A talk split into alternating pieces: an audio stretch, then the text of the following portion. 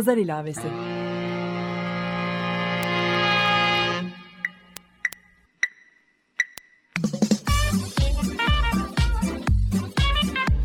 ...1936'dan günümüze 80 yıllık bir zaman tüneli. Hazırlayan ve sunan Didem Özbek.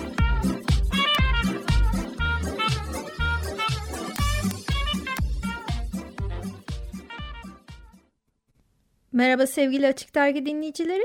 1936 gündemini günümüze bağlayan Pazar ilavesini dinlemektesiniz. Ben program yapımcınız Didem Özbek. Bir konudan diğerine ilerleyen Pazar ilavesini sergi kelimesinin sözlük anlamından yola çıkarak ve 20 Mayıs 1936 Çarşamba tarihli Kurun gazetesi içeriği üzerinden devam ettiriyorum. 2012'den beri sürdürdüğüm bu çok katmanlı görsel sanat projesinin sözel çevresini Açık Radyo'da sergiliyorum.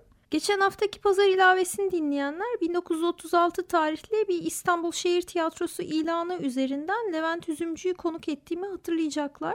Tepebaşı Amfiteyatrosu'nda sahnelenen Müsahipzade Celal'in Bir Kavuk Devrildi oyununun bu ilanı Pazar ilavesinin içeriğini besleyen 20 Mayıs 1936 tarihli Kurum gazetesini Levent Üzümcü'ye okutmamın da sebebi. Levent Üzümcü ile bu ilandan yola çıkarak 80 yıl öncesi 80 yıl sonrası üzerinden güzel bir sohbet gerçekleştirmiştik. Bu hafta kurunda yer alan başka bir kültür sanat haberiyle pazar ilavesine devam etmek istiyorum. Bu aslında ilk okuduğum andan itibaren çok etkilendiğim bir röportaj. Yekta Ragıp Önen 1936 Mayıs'ında ilk mezunlarını verecek olan İstanbul Konservatuvarı'nda Cemal Reşit Rey'in öğrencisi olarak eğitim gören genç piyanist Rana Sadri ile gerçekleştirmiş bu röportajı. Önen ve Sadri konservatuarlı olmak ve genel olarak güzel sanatlar eğitiminin zorlukları, diğer yandan da ayrıcalığı üzerine bugün hala geçerli birçok yorumda bulunmuşlar. Bu röportajı okuduktan sonra uzun zaman Rana Sadri'nin kim olduğunu araştırdım ve malum kadınların soyadı evlenince değişiyor, erkeklerin ise hep aynı. Uzun arayışlar sonrası Cumhuriyet Gazetesi arşivinde 1993'teki vefatından sonra Evin İlyasoğlu'nun Rana Sadri üzerine yazdıklarına ulaştım. O yazı sayesinde soyadının Erksan olarak değiştiğini nihayet öğrendim.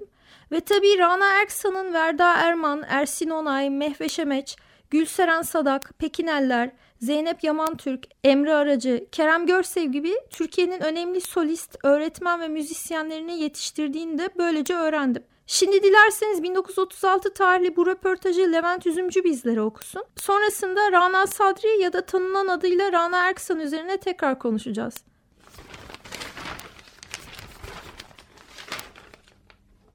Kurun İstanbul Çarşamba 20 Mayıs 1936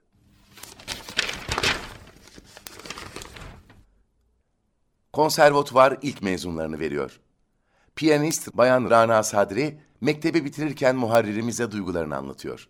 Filanca plak firması üç ayda şan sanatkarı yetiştiriyor. Burada niçin altı yıl okunsun? Günden güne terakki ve tekamül eden İstanbul Konservatuvarı kuruluşundan beri ilk defa olarak bu sene mezun veriyor. İkisi erkek, beşi kız olan mezunların uzun seneler süren çalışmalarının semeresini kısa müddet sonra Tepebaşı Tiyatrosu'nda işiteceğiz. Konservatuvarımızın ilk mezunlarını vermesi güzel sanatlar sahasında mesut bir hadisedir. Konservatuvarın ilmi mahiyet ve kıymetinin lazım olduğu kadar bilinmediğini gösteren bir müşahedemi anlatayım. Bir gün konservatuvarda oturuyordum. İçeriye yanında genç bir kız olan yaşlı bir bayan geldi. Katip Bay Selahattin'e şöyle hitap etti. Kızım şan dersi alacak. Kaydettirmeye geldim. Acaba kaç ayda öğrenebilir? Bu sorgu karşısında Odada bulunan hocalarla Bay Selahattin şaşırıp kaldılar. Hocalardan biri dayanamadı, atıldı. Bayan, burası konservatuvardır. Bir ilim müessesesidir.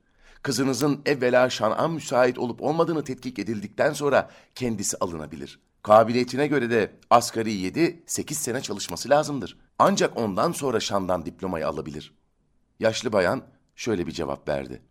Efendim, falan plak acentesinde üç ayda şan öğretiyorlarmış. Burada neden altı sene sürüyor? Bu cevap karşısında haklı olarak sinirlenen hoca, acente piyasaya şarkıcı, burası ise sanatkar yetiştirir deyip odadan çıktı. Bu seneki mezunlardan Bayan Rana Sadri ile konservatuvarın kıymetli müdürü Bay Yusuf Ziya'nın odasında görüşüyoruz. Bayan Rana Sadri mezun oluşundan kendisi hesabına değil, eş ve dostları hesabına fevkalade sevinç içinde.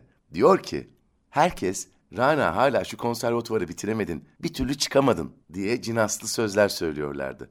Bunlar iki ayda ortaya çıkan apartmanlar gibi konservatuvardan da kısa zamanda talebe çıkacağını zannediyorlardı.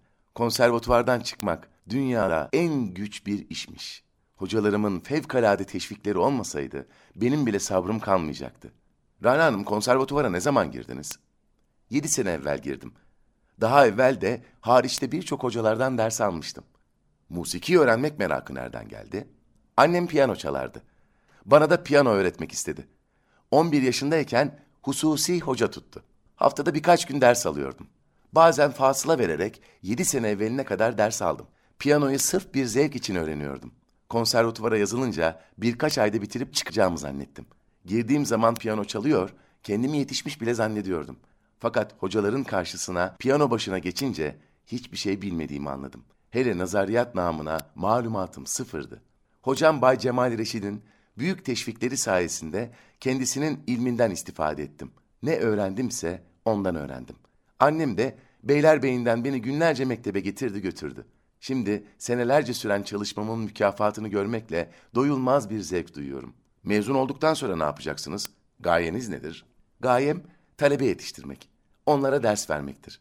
Müziği eskisi gibi bir zevk olarak değil, bir ilim ve sanat olarak telakki ediyorum artık. Hatta şimdiden akrabalarımdan talebeler tedarik ettim, ders vermeye bile başladım. Kaç yaşındasınız? 27. Kimin kızısınız? Beylerbeyi'nde oturan mütekait Miralay Sadri'nin kızıyım. Bayan Rana ile daha konuşacaktık. 30 Mayıs gecesi Tepebaşı Tiyatrosu'nda vereceği konserde çalacağı parçaya çalışırken kendisini piyano başından kaldırmışlardı. O gece kendisine enstrümanlarıyla refakat edecek arkadaşları kapıdan gelip gelip bakıyorlardı.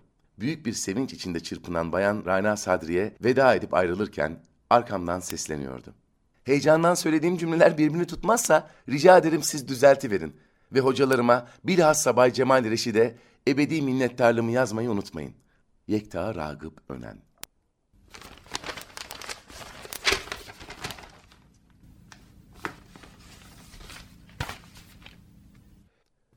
Haziran 2012'de Salt Galata'da gerçekleştirdiğim konuşma maratonunda ele aldığım gazete haberlerinden biri de işte bu Rana Sadri röportajıydı.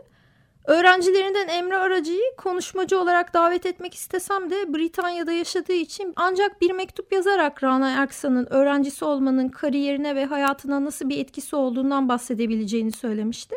İşte o günlerde Emre Aracı'nın annesi Bilgi Aracı'yla da tanışma şansım oldu. Malum küçük yaşta bir çocuk ben müzisyen olacağım bana özel ders aldırtın ya da ben konservatuara gitmek istiyorum kolay kolay diyemez. Bu kararı anne babalar çocukları için alıyorlar. Kimi çocuğu bunu bir meslek olarak devam ettirir, kimi müziği, sanatı ya da sporu bir yaşam biçimi olarak kabul eder ve hayatının ilerleyen dönemlerinde amatör de olsa ilgisini devam ettirir diyerek bu tip etkinliklere çocuklarına götürüp getiriyor. Rana Sadri de röportajında annesi sayesinde piyano çalmaya başladığını ve annesinin onu günlerce konservatuara götürüp getirdiğini anlatıyordu. Bu cümlelerden yola çıkarak Emre Aracı'nın mektubu beraberinde annesi Bilgi Aracı'ya konuşma maratonunda bir annenin çocuğunun hayatını yönlendirmedeki önemi üzerine konuşmasını rica ettim. Kendisi beni kırmadı. O gün konuşmasını gerçekleştirirken dinleyicilere kendisini Emre Aracı'nın annesi olarak tanıtmamı rica etmişti. Şimdi dilerseniz Emre Aracı'nın annesi Bilgi Aracı'dan Haziran 2012'de Rana Erksan üzerine Salt Galata'da gerçekleştirdiği konuşmasını dinleyelim. Muhteşem bir insandan bahsetmek istiyorum şimdi. Ailemize katıldı diyelim Rana Erksan. Benim büyük oğlum 64 senesinde her şeyi piyano yapıyordu. Böyle çalmak istiyor elleriyle. Sonra benim abimin kayınvalidesi Rana Erksan'ın sınıf arkadaşı konservatuvarda dedi ki 4 yaşında çocuklara piyanoya başlıyor. Evimizde piyano da yoktu. İlk iş hemen bir piyano alındı ve ben büyük oğlum Selim aracıyı doğru Rana Ersan'a götürdüm. Teşvikiye'deki aynı apartmandır. Burada Emre de ayrıca yazmıştı. Müthiş bir şefkatle yaklaştı. Okuma yazma bilmeyen, elleri tam kalem tutamayan 4 yaşındaki bir çocuğa inanılmaz şekilde bir aşk ve hevesle piyanonun zevkini aşıladı. Ve benim oğlum, büyük oğlum 64 senesine yani 60 doğumludur Şimdi öğretim görevlisi Amerika'da ve evine ilk aldığı gene de piyano olmuştur Amerika'da. Şimdi de torunum o da piyano çalıyor. Ama büyük oğlumun ki nosyon olarak kaldı. Sonra sekiz buçuk sene sonra benim ikinci oğlum Emre doğdu. Tabii biz usuldendir diye hemen dört yaşında piyano dersine götürdük Emre'yi. Pek tatmin olmadı. Şimdi kendi yazısından Rana Erksan'ı okumak istiyorum Emre'nin. Rana Erksan. 6 yaşında Rana Erksan ile piyano derslerine başladım. Öğrencilerini Teşvikiye'de Ömer Rüştü Paşa sokağında en üst kattaki dairesinde kabul ederdi. Annemle birlikte giderdik. Oturma salonu yaşıtım pek çok çocukla dolup taşardı. Bu hiç değişmedi. Yani ne zaman gitsem ben gene Rana'nın beyaz bakı güler yüzüyle hep böyle her zaman için böylesine gördüm. Rana Hanım seveceğim piyanonun sağında sandalyesinde oturur. Her öğrenci 15'er dakika piyanoya davet edilir. O günkü dersini herkesin huzurunda görürdü. Zaman zaman piyanoya arkanızı döner ve basılan notanın ne olduğunu söylemeniz beklenirdi. Ben genellikle bu anda kendimi sisli bir denizde kaybolmuş gibi hisseder, telaşla aklıma gelen doğru yanlış ilk notayı söylerdim. Notaları öğrenmeyi bir plaka üzerine yerleştirilmiş olan porte üzerinde mıknatısla kumanda edilen küçük iki köpek maskotun yardımıyla öğrendiğimi hatırlıyorum. Şimdi kızı Semra da aynı şekilde dedi ki o iki köpek maskot bende duruyor piyanonun üzerinde dedi. Bu konuştuklarımız tabii böyle 40 sene evvel falan öyle konuşuyoruz. Rana Hanım derslerinde Bayer'in metodunu kullanırdı. İlerleyen talebeler ise alfabeye geçerlerdi. Öğrenciler saymayı el ve ayakların 1V, 2V, 3V koordinasyonu ile öğrenir. Rana Hanım verilen her yeni parçanın kenarına istemiş olduğu ödevi kendisine ve öğrencisine hatırlatmak için piyano örtüsünün de üzerinde olan kaligrafik R inisiyalini kurşun kalemle koyardı. Her başarılı parça için ders kitabının ilk sayfasına bir çizgi atılır. Çizgiler onu bulunca kapaklı piyano taburesinin kapağı açılır ve içinden bir mum renkte çekici çıkartmalar ortaya çıkar. Heyecanla gözleri kamaşan öğrencinin bunlardan en beğendiğini mükafat olarak seçmesi beklenirdi. Şu anda 52 yaşında olan oğlum Amerika'da dün konuştum bahsedeceğim dedim. Ne hatırlıyorsun? O çıkartmaların hevesini, heyecanını demiş idi. Bazen de Rana Hanım'ın kendisi öğrencisinin yanına oturur. Onun Beyer'den çaldığı sade egzersizin zengin armonik akompanyeleri ile ona eşlik ederdi. Böyle anlar bir anda zenginleşen armoninin parlaklığıyla benim için son derece coşkulu ve keyifliydi. Her ne kadar küçük yaşta başladığım piyano derslerini bıraktıysam da ortaokula başlamamla birlikte tekrar Rana Hanım'a gitmeye karar verdim. Ama bu sefer ben 6 yaşında derse başlatan ailem yerine kararı kendim vermiştim. O da giderek artan klasik müzik hayranlığımı bu önemli dersler yönlendirir düşüncesinden dolayı olmuştu. Emre piyanist olmadı ama şef oldu, müzikolog oldu. Zaten Rana Hanım da kızının da dediği gibi sen şef olacaksın derdi. Seneler sonra müzik ve tarih seven bir insanın kendi ülkesinden uzaklarda kendi ülke müziği ve tarihine yönelmesi şüphesiz benim yaratılış ve mizacımdaki bir insan için kaçınılmazdı. Tarihiyle, efendiliğiyle aradığım değerleri arşivlerde parçalarını toparladığım o saçılmış puzzle'ı bir araya getirmek yoluyla ülkemi nerede olursam olayım yaşıyorum. Amacım ise hiçbir zaman değişmedi. En büyük, en birinci olmak ve ilki başarmak gibi endişelerden uzak, kendi benliğimle bu ülkenin değerlerini evrensel boyutlarıyla dünya kültür mirasına sunabilmek ve her kültürü, her güzelliği, din ve dil farkı gözetmeden kendi kültürümmüş gibi benimsemek, kabul etmek. Yatağımın başucunda asılı olan, eğer bir daha dönmeyecek olan dakikayı 60 saniyede koşarak doldurabilirsen, yeryüzü ve üstündekiler senindir.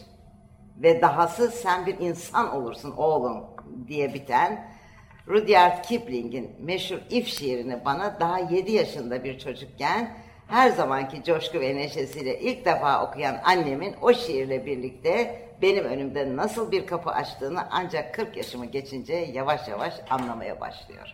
Bu yayınlanmamış bir yazıdır. Herhalde bundan sonra yayınlanacak. Bu if şiiri, eğer şiiri iki oğlumun da odalarında asılıdır. Bu öğütlerle, bu güzel öğretmenlerle, bu ufuklarını açan kişilere hep saygılı olalım. Ben Rana Hanım'ı ailecek çok takdir ettiğimiz bir kişi olmakla beraber müthiş hoş bir insandı. Yazında Göztepe'deydi evi. Biz tabii o devirde piyano dersi için piyanoda giderdi, kamyonda taşınırdı yazlık eve. Biz bu sefer Göztepe'ye giderdik. O güzelce o terası, gene o kahkahası, gene her şeysi iç açıcı. Sonra bir ara biz bir Ankara'ya gittik üç sene kadar. Geldik, gene Rana Hanım aynı Rana aldı. Gene oturuyor, vagı var, gene pırıl pırıl, gene piyano, aynı kahkaha, aynı coşku. Son derece güzel hatıralar, anılar bırakarak Rana Hanım için ömrümde ilk defa bir konuşma yaptım. Teşekkür ediyorum. Çok teşekkürler. Bu güzel konuşmada dinleyicilerin arasında çok özel biri vardı. Şu an umarım o ve ailesi bizleri Açık Radyo'dan dinliyordur. Bilgi Hanım aracılığıyla Rana Erksan'ın kendi gibi uzun yıllar piyano öğretmenliği yapmış olan kızı Semra Görgün de sırf annesi üzerine gerçekleşecek bu konuşmayı dinlemek için o gün Bodrum'dan kalkıp gelmişti. Ben pazar ilavesini basılı bir formatta 2012'den beri yayınlamayı arzulasam da araya dört koca yıl girdi. Aslında bu samimi konuşmanın bugün nihayet sesli olarak yayınlanıp paylaşıma açılması beni şu an çok daha mutlu ediyor. Haziran 2012'de Salt Galata'da gerçekleştirdiğim konuşma maratonuna katılarak projeme destek veren Emre Aracı ve Bilgi Aracı'ya da bir kez daha teşekkür etmek istiyorum. Bilgi Hanım'ın konuşmasında bahsettiği gibi Emre Aracı'nın Rana Erksan üzerine anıları benim projemden de bahsettiği daha kapsamlı bir yazıyla Nisan 2014'te Rana Hanım'ı hatırlarken başlığıyla Andante dergisinde yayınlandı.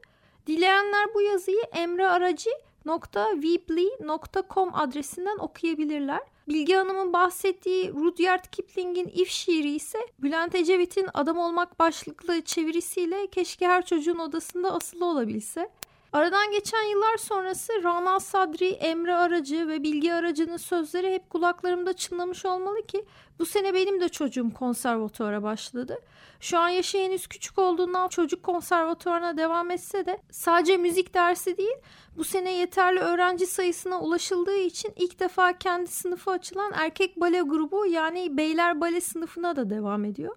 Bu anlamda aradan geçen 80 yılda konservatuarın ilmi mahiyet ve kıymetinin anne babalar tarafından daha iyi biliniyor olması bugün için en mutluluk verici gelişme olsa gerek. Günümüzde erkek bale yapar mı? Kız da güzel erkekte çirkin duruyor gibi endam ağırlıklı ön yargılara sahip anne babalara hala rastlanabiliyor.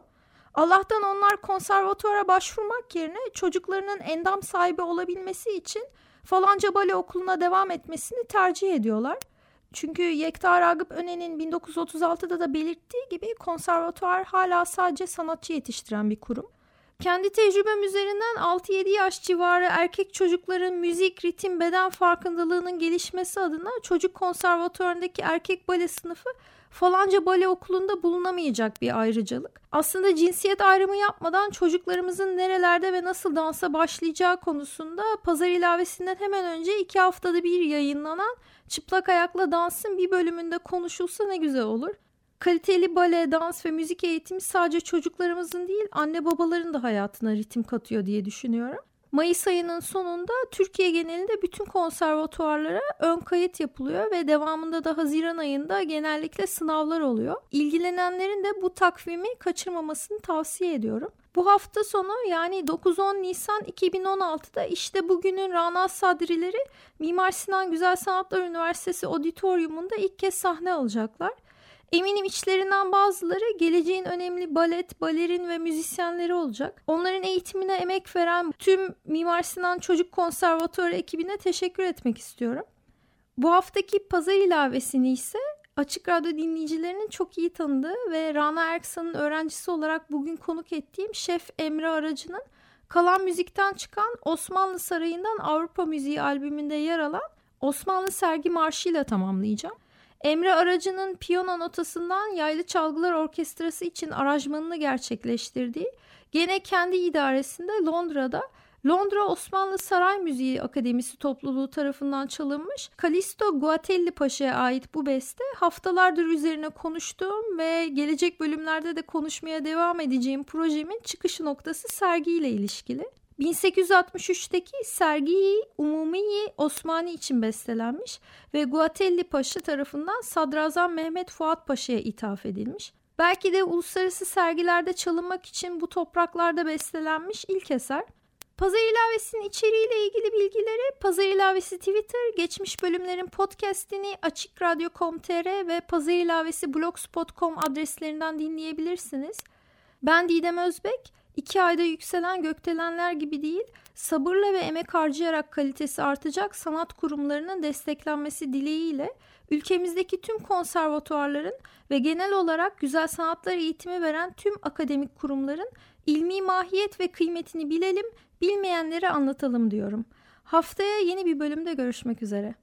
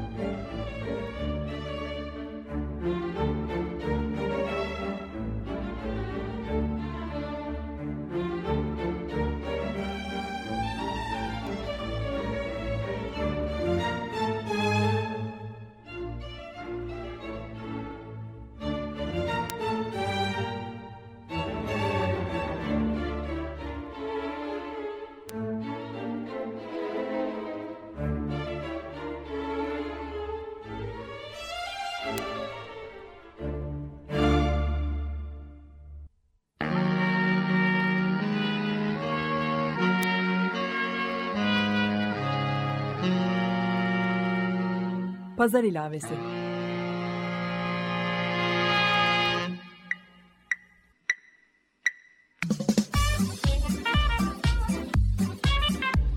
...1936'dan günümüze 80 yıllık bir zaman tüneli.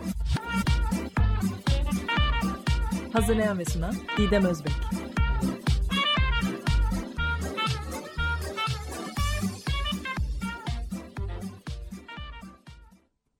Açık Radyo program destekçisi olun. Bir veya daha fazla programa destek olmak için 212 alan koduyla 343 41 41.